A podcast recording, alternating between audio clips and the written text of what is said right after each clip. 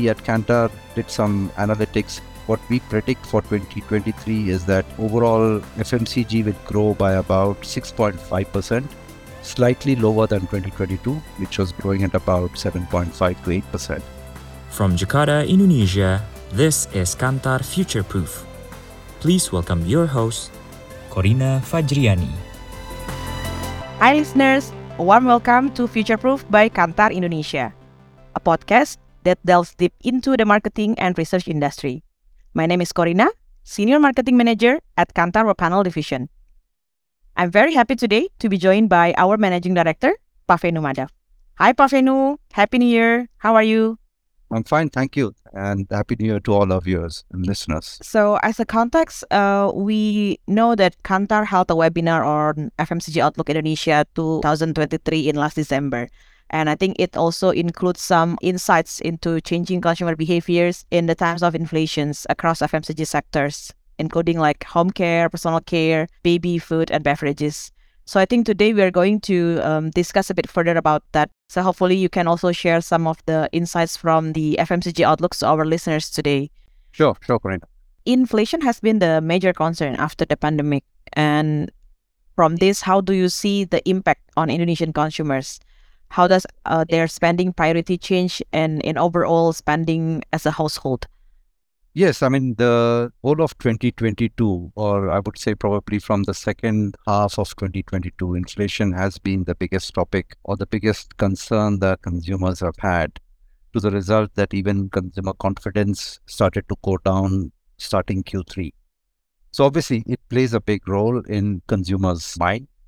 He has to be concerned about how is uh, how is he going to spend the money that he gets uh, inflation has in 2022 was the highest that we have seen in the last seven years. So definitely that's a, that's a big concern. And consumers obviously will have to make some tough choices about how are they going to manage their primary needs versus their secondary expenses. So they need to make that priority and they need to keep changing that as, as things go along. Uh, while the government, I think, did uh, quite a lot in terms of managing to hold uh, some of the expense heads like electricity and fuel. But I think uh, second half of the year they had to take it up, and obviously that also added further to the inflation pressure for each and every consumer.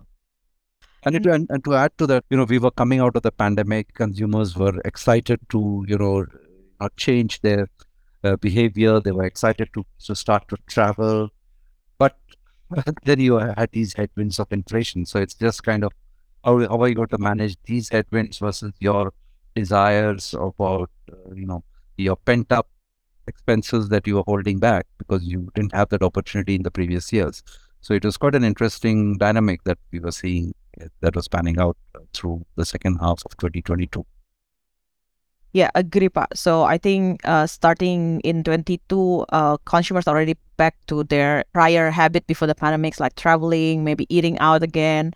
So obviously the, the spending priorities also change. So now if we're zooming in into the FMCG industry itself, but despite all this price increase, how do actually consumers react and, and cope with, with this pressure?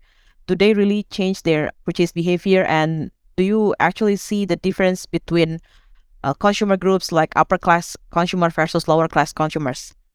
Oh yes, definitely. And uh, I think like as any manufacturer, because of supply pressures, because of cost of raw materials going up, had to take price increases and they had to pass on that prices to the consumers. I'm sure they tried their best because every time you increase prices, it's quite likely that you could lose lose your brand volumes. Uh, and hence each manufacturer has to, you know, figure out how and how is he going to manage that price changes. And as those price changes happened, we started to see that there are shifts even in the way consumers was, uh, were spending. So in certain cases, and especially in the upper class, what we saw was that consumers were able to take on the price increase, but at the same time, they started to also look at, do I need to move from this medium pack to a bigger pack? Because the bigger pack gives me a bit more economy in terms of the price per gram or price per milli. So we saw that happening in the upper class. But when it comes to the middle and the lower class, we saw that some of them took that price increase, but many of them actually started to downgrade to uh, a slightly cheaper product to manage that price increase that is happening with their regular brand. So we see a dichotomy of responses from consumers. At one end, we see that consumers are trying to move to bigger packs, which gives them the economy of scale. And at the other side, we see consumers are trying to move to a, a slightly cheaper brand. And it's not like they're dropping to a very cheap brand. It's just that they're trying making slight adjustments. And we see that some of the brands which are operating at a price index to the category at about 90, 85, they have started to grow. So obviously, the middle and lower class consumers move to this slightly cheaper brand to manage the price increases that they're seeing. That's how it pans out, and and it is quite normal. Mean, we have seen this across other countries also, and Indonesian consumers are no different. Okay, so we we now see that actually the the coping mechanism is slightly different between upper class consumers and lower class consumers. So, um, following that question, Spot, do you see any trends actually coming out uh, from consumers adapting to this price increase? Let's say there are some brands who offering more premium uh, price, and how about those kind of brands? I mean, how they actually survive this price increase because basically the average price is already high and and this brand offering a more premium price. Is there any opportunity for them to squeeze further growth actually Pak?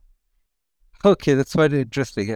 And and in fact we have uh, while i will not talk at a category level but when you look at specific brands and all that we do see that there are many premium brands which are still able to grow in this situation so it is not that there is no opportunity for premium brands to grow. There is. There is opportunity for them to grow. And what it needs is that how clear are we in our communication around the relevancy of our product and our pricing to the quality and how can we make it as part of the consumer experience and thus make this whole thing relevant to our consumer groups. So premium brands do also have opportunities to grow. It's just that how clear uh, is our messaging in terms of the relevancy of our product. So there definitely it's not that everything goes in one direction. There are still opportunities for premium brands to grow. Yeah. Okay. So it's it's really interesting to actually see that uh, despite the price increase and all the pressures, I think there's still opportunity for all brands, both affordable brands and premium brands, to keep growing and recruit shoppers. So uh, my next question, Spa, is about demographic and area profile. So from your report, uh, we can see that the secondary city and the rural city can actually grow faster in, in FMCG uh, compared to the key cities. So what do you think become the, the key factors to support this growth? Okay, first, uh, the secondary cities is uh, what we define as the urban towns which are beyond the top 13 cities in Indonesia. And if I even go back two or three years, we have seen that secondary cities have been consistently growing faster than the key cities. And one key factor we need to keep in mind is that they are still in, there are a lot of aspirational households there, which are still into the mode of, you know, adopting new categories or buying into new categories that they were not purchasing in the past. So that definitely leads to overall growth, which is faster than the key cities. Also, we see that even rural is growing faster for similar reasons. Plus, there'll be a few more that I will talk about later. But the, the key for both secondary cities and rural is that the consumer household or the households there are becoming aspirational and hence they want to buy into more new categories. And thus, there are opportunities for categories with low penetration to also be looking at how can I get the consumers in the secondaries and rurals to get interested in my category. Uh, key cities, of course, is a slightly different challenge because the big part of the inflation hits them first. And at the same time, they're coming out of the pandemic, so they are interested to spend in eating out, they're interested to spend in traveling.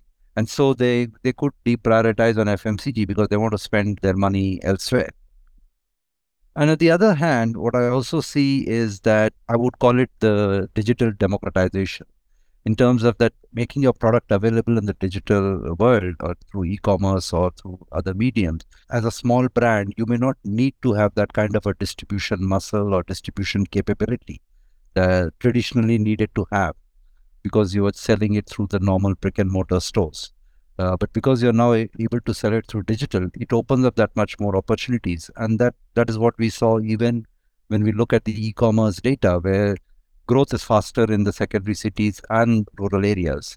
Of course, it's coming off a lower base, but uh, we should also keep in mind that it is also giving them the opportunity to buy something which they probably thought only the big city people can can buy, but it's giving them that opportunity, and they are they are adopting to it. So that's also contributing to the growth for the uh, secondary cities and rural areas.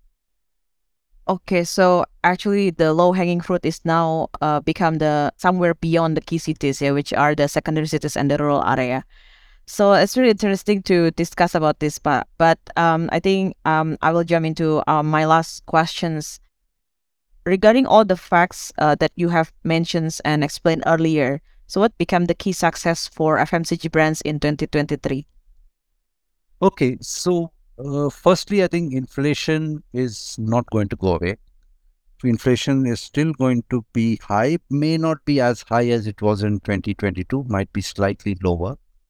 Uh, because the pressures that the external macroeconomic pressures that we see are still there.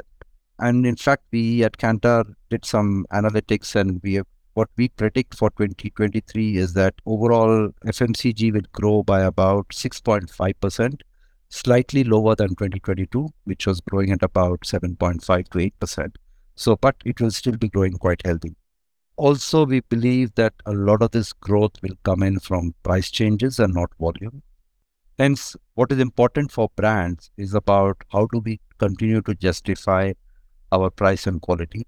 How do we continue to reach out to consumers to succeed, we will need to keep communicating with our consumers to tell them about the relevancy of our product in their lives and how it can make their life better. So that will that will still remain key. The also the other thing which we have seen when some of the successful brands do well is about having a very clear channel and pack size strategy in terms of which packs for which channels and how do we drive that.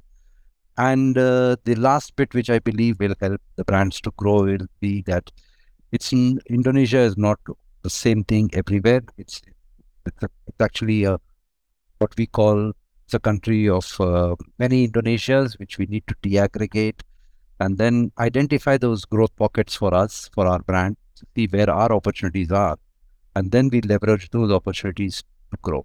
So this, I believe, will be the three or four key success measures which will help brands grow in 2023. Okay, uh, so that's a very intriguing insight spot for uh, today. So thank you, Pak for revealing uh, all the insights and the key success for brands in 2023. Thank you. Thanks, Corina. Thanks for having me here.